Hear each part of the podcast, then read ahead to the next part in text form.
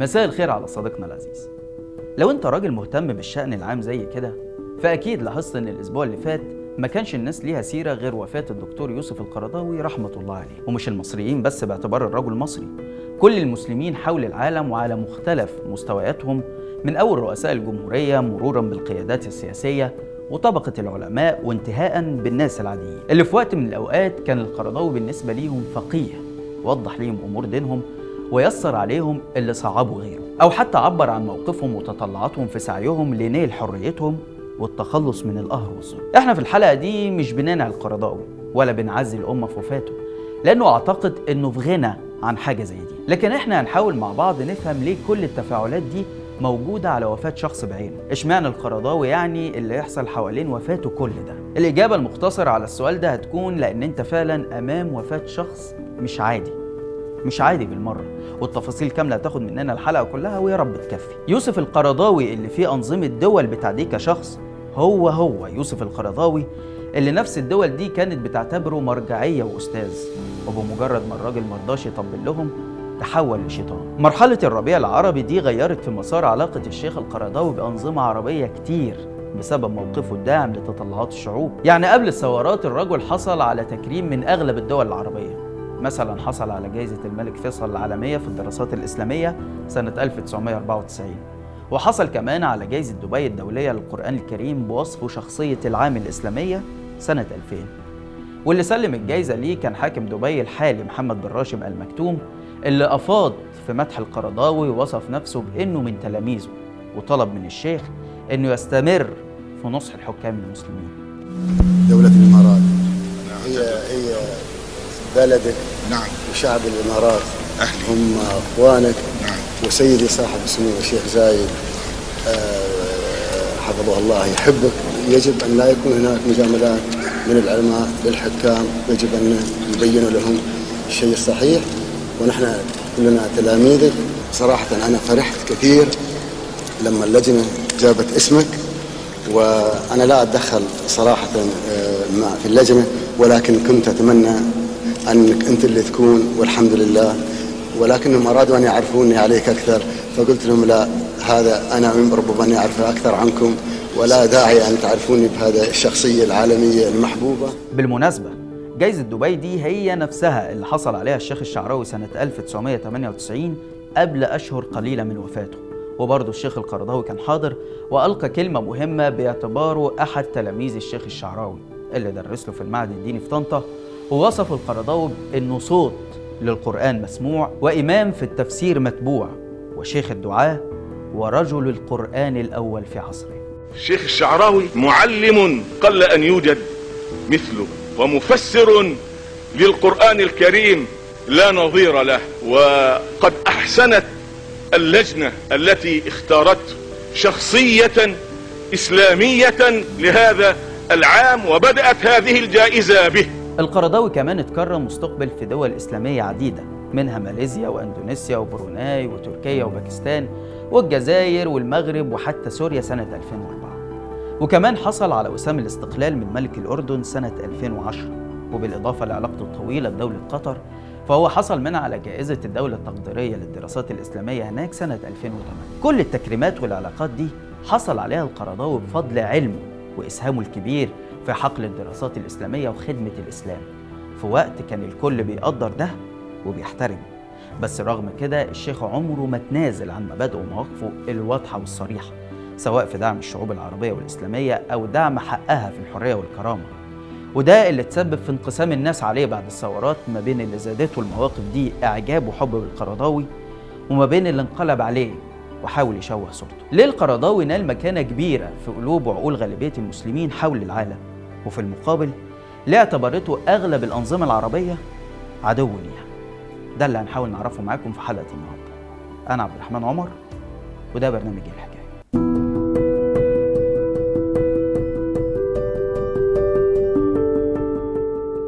منتصب القامة مرفوع الهامة محفوظ الكرامة. لا يستطيع أحد أن يتهمني أن يتهمني بأني نافقت يوما في حياتي. لو كنت أحب أن أنافق أو أحب أن أسير في ركاب السلطان لبقيت في موطني الأصلي وبقليل من التنازلات كنت وصلت إلى أعلى المناصب التي وصل إليها من هو دوني بكثير. ولكني آثرت أن أحتفظ بديني. أهلا بيكم قصة القرضاوي بتبدأ سنة 1926 لما اتولد في قرية صفت تراب بمحافظة الغربية القرية اللي فضل الشيخ طول الوقت يقول اسمها ويحكي ذكرياته فيها وتأثيرها وفضلها عليه لدرجة إنه لما كتب سيرته الذاتية وصف نفسه بإنه ابن القرية والكتاب. والده توفى وهو في عمر سنتين وتولى عمه تربيته. في الكتاب أتم حفظ القرآن الكريم في سن تسع سنين عشان يلتحق بالأزهر الشريف ويظهر تفوق كبير في سن مبكرة. طلع التاني على المملكة المصرية في الثانوية الأزهرية والتحق بكلية أصول الدين اللي حصل منها على العالمية سنة 1953 وكان ترتيبه الأول بين زملائه. بعدها بسنة بس حصل على إجازة التدريس من كلية اللغة العربية وبرضه كان ترتيبه الأول. كمل دراسته وحصل على ماجستير في علوم القرآن والسنة وبعدها حصل على الدكتوراه بامتياز مع مرتبة الشرف الأولى من كلية أصول الدين. وكان موضوع رسالته الزكاة وأثرها. في حل المشاكل الاجتماعية. ومن هنا ممكن تفهم سيرة القرضاوي بأكملها واللي بتتلخص في أن قراءاته للدين بتكون دايما مرتبطة بقضايا الواقع المتطور. ما كانش مجرد شيخ شاطر في حفظ فتاوى السابقين وترديدها على مسامع الناس أو تجميع الآيات والأحاديث ورصها بدون ما يعمل فيها مبادئ الفقه الإسلامي.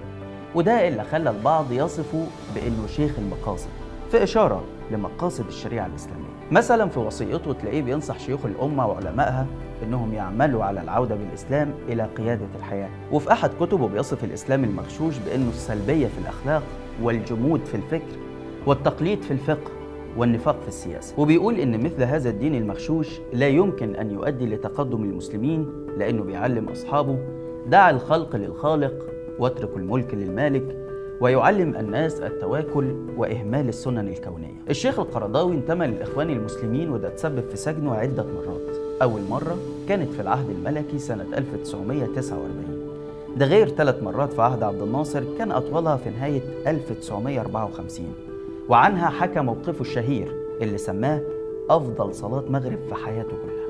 فسمحوا لنا أن نصلي جماعة في ساحة السجن الكبرى. وصليت بالإخوة بالربع الأخير من سورة آل عمران. لتبلون في أموالكم وأنفسكم. ولا تسمعن من الذين أشركوا من الكتاب أولي الكتاب والذين أشركوا غدا كثيرا. وإن تصبروا وتتقوا فإن ذلك من عزم الأمور. وأنا أقرأ هذه الآيات ودموعي تذرف إلى أن جئت في آخر الآية. يا أيها الذين آمنوا اصبروا. يا أيها الذين آمنوا اصبروا وصابروا.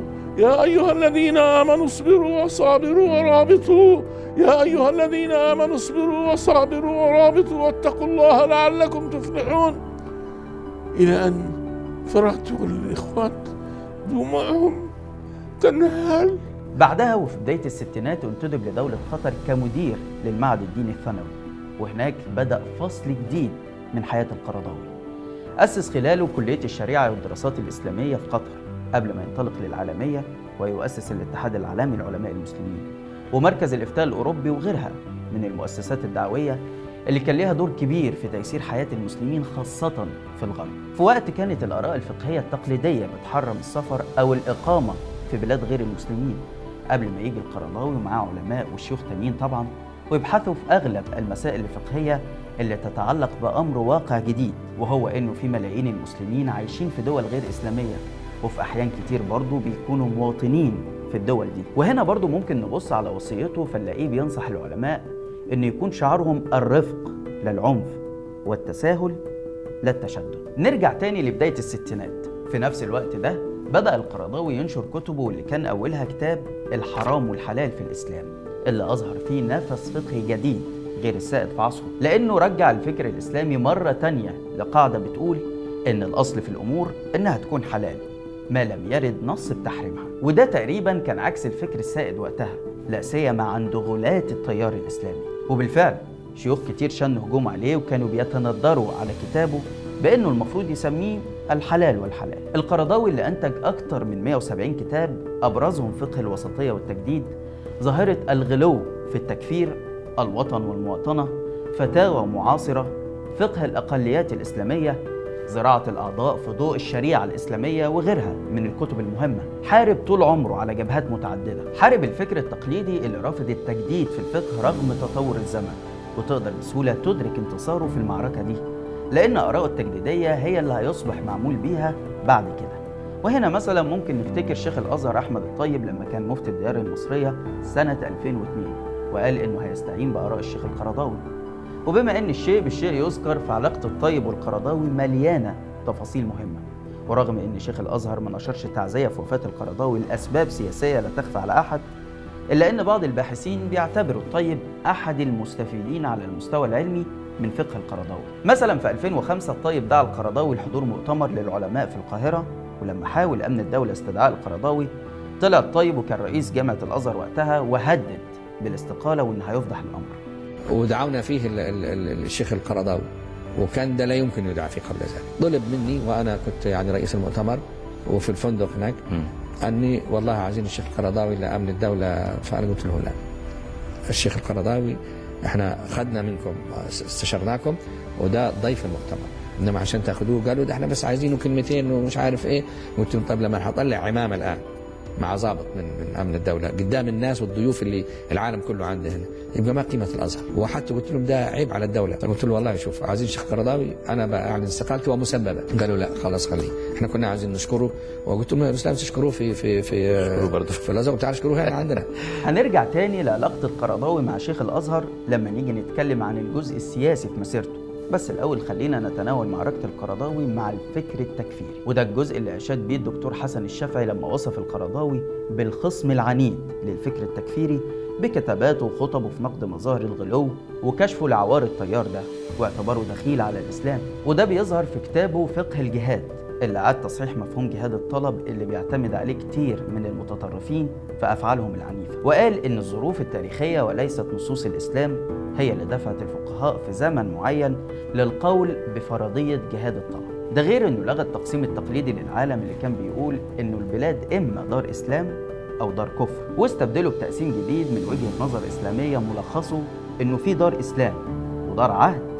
ودار حرب. واعتبر إن أغلب دول العالم غير المسلم يمكن اعتبارها دار عهد وأمان لا يجوز للمسلم إيذاء أهلها أو الاعتداء عليهم القرضاوي اللي زي ما قلنا إنه ارتبط بفكر الإخوان بل البعض بيصفه بإنه الأب الروحي والمنظر الأول للجماعة. ووصل الأمر لأنه عرض عليه إنه يكون مرشد الجماعة لكنه رفض. وفضل التركيز على عمله الموجه للأمة بأكملها بدلا من الانخراط في تنظيم معين. كان من الشجاعة إنه ينتقد أفكار الأستاذ سيد قطب. وما فهم منها فيما يخص التكفير أو الدعوة لاستخدام القوة والعنف في الوصول للحكم.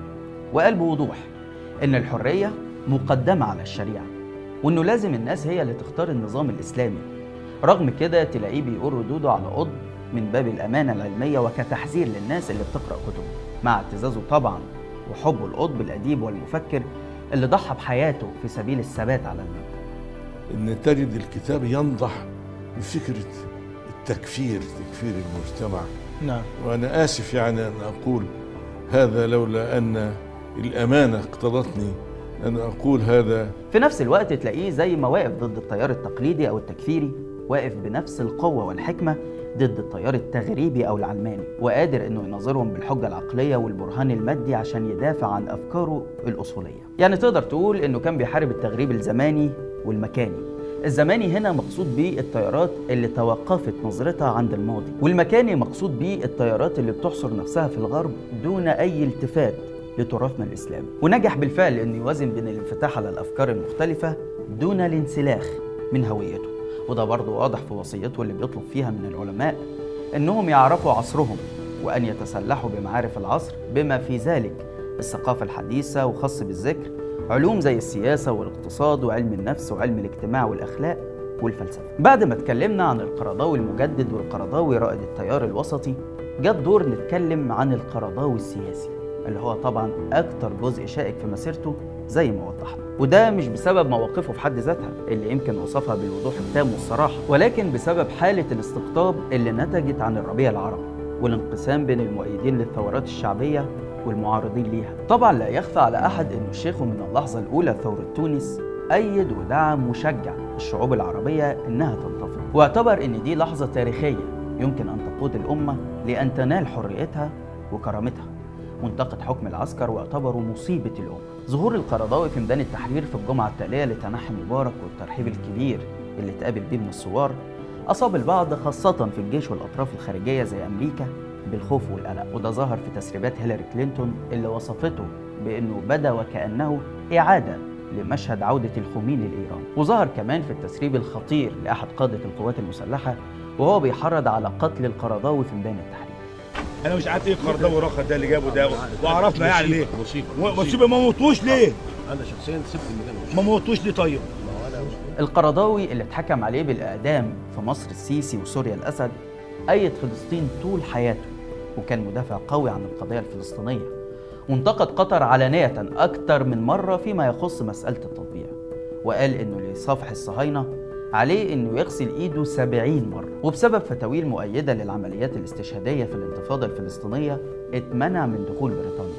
ده غير إن موقفه كان واضح من رفض وجود القواعد الأمريكية في دول الخليج. لكن رغم مواقفه الواضحة فالشيخ كان ضحية لفيديوهات مفبركة أو مبتذلة وأشهر حالتين هنا هو كلامه عن الشيخ السوري سعيد البوطي اللي انتقده بصورة عادية جدا بسبب تأييده ومساندته لبشار الأسد ودعاه للتراجع عن تأييد الأسد لكن بعد اغتيال البوطي البعض أعاد تركيب الفيديوهات دي في محاولة لإثبات أن القرضاوي حرض عليه أو برر لقتله وده غير صحيح إطلاقا. وبالرجوع لخطبة القرضاوي في اليوم التالي لاغتيال البوطي هتلاقيه بيترحم عليه وبيصفه بصديقه اللي كان يتمنى ليه الهداية قبل موته. وكمان بيكرر بكلمات صريحة وواضحة جدا إنه ضد اغتياله بل ويطالب النظام السوري بالكشف عن القتلة لأن كل أطياف المعارضة السورية وقتها تبرأت من الحادث. كل سوريا مختلفين مع الش... مع الشيخ البوطي وأنا معهم. ولكن لا نقتل عالما ولا نقتل مصليا ولا نضرب مسجدا ابدا. أما بقى الفبركة الأسوأ فكانت من نصيب مؤيد السيسي. اللي نشروا فيديو مقتطع للشيخ بيبدو فيه وكأنه بيصف معارضي مرسي بأنهم خوارج وبيحرض الشعب على الجيش والشرطة. لكن لو عملت برضه بحث بسيط كده عن الفيديو الأصلي هتلاقي الحلقة بتاريخ 25 أغسطس 2013 يعني بعد فض ربع بأسبوعين. وهتلاقي الشيخ وقتها بيرد على كلام مفتي مصر السابق علي جمعة لما قعد قدامه قادة الجيش والشرطة وخطب فيهم ضد الإخوان المرسي. وقال جملته المشهورة اضرب في المليان في تحريض على قتل المتظاهرين اللي وصفهم وقتها بالخوارج. فالشيخ القرضاوي كان بيرد عليه وبيقول له لو عايز تسقط صفة الخوارج على حد فأنت المفروض تسقطها على اللي عملوا انقلاب على رئيس شرعي منتخب من الشعب مش على مواطنين بيتظاهروا سلميا. وكمان في نهاية الحلقة الشيخ دعا بكلام واضح لا لبس فيه لتجنب العنف مهما حصل. بل إننا يجب أن نطهر مدينتنا ومصرنا من هذه الأوباش. إنهم لا يستحقون مصريتنا. طوبى لمن قتلهم وقتلوه. من قتلهم كان أولى بالله منهم. ناس نتنا ريحتهم وحشة. اضرب في المليان. الخوارج الخوارج هنا الذين خرجوا على محمد مرسي. هذا من غير من غير شك. من يقول غير هذا ليس بعالم. هؤلاء كانوا يطبقوا علينا إحنا لم نخرج. إحنا نريد الحاك حاكمنا الشرعي. نحن مع مهما يعني فعل بنا. لا نس لا يمكن أن نستعمل العنف. انتهى العنف شكرا. عند ال- الإسلاميين وعند الإخوان بالذات. قبل ما نختم الحلقة وزي ما وعدتكم إننا نكمل الكلام عن علاقة القرضاوي مع الشيخ الطيب اتكلمنا عن بداية العلاقة بينهم في 2002 ثم موقف الشيخ الطيب ودفاعه عن القرضاوي سنة 2005 المرحلة الثالثة بقى من علاقة الشيخين ببعض كانت بعد الثورة لما اتكررت لقاءاتهم في مشيخة الأزهر وحصل تقارب كبير بينهم. قبل ما يضموا الشيخ الطيب لهيئة كبار العلماء سنة 2012 وفي نهاية 2013 هتحصل ضغوط على الشيخ الطيب إنه يقيله من الهيئة لكنه هيرفض ويقول لا أحد يملك سلطة أن ينزع صفة العلم عن العالم. وبشجاعة الفرسان هيعفي القرضاوي الشيخ الطيب من الضغوط ويقدم استقالته. وتظل العلاقة بينهم ودية بدون أي إساءة من أحدهم للآخر. في النهاية القرضاوي مش قديس وهو نفسه كان رجاع دايما للحق. وكان بيشجع تلاميذه على نقده وتصحيح ما يرونه من أخطاء. لكنه يظل واحد من أبرز علماء الأمة في العقود الأخيرة. عشان كده حاولت أكشف لكم بعض الافتراءات اللي طالته من خصومه أما آراءه وأفكاره وفتاويه المنشورة في كتبه والمسجلة في لقاءاته فطبعا هي أمام العلماء المتخصصين. يأخذوا منها ما يفيد الأمة ويتركوا منها ما يرونه اجتهاد خاطئ. وفق الأصول المعروفة لعلوم الدين. بس كده. لو الحلقة دي عجبتكم اعملوا like و share واشتركوا في القناة على اليوتيوب علشان يوصل لكم كل جديد. وما تنسوش الفولو على الانستجرام. واستنونا كل جمعة الساعة 8 بالليل بتوقيت القاهرة في حلقة جديدة من برنامج إيه الحكاية؟ سلام.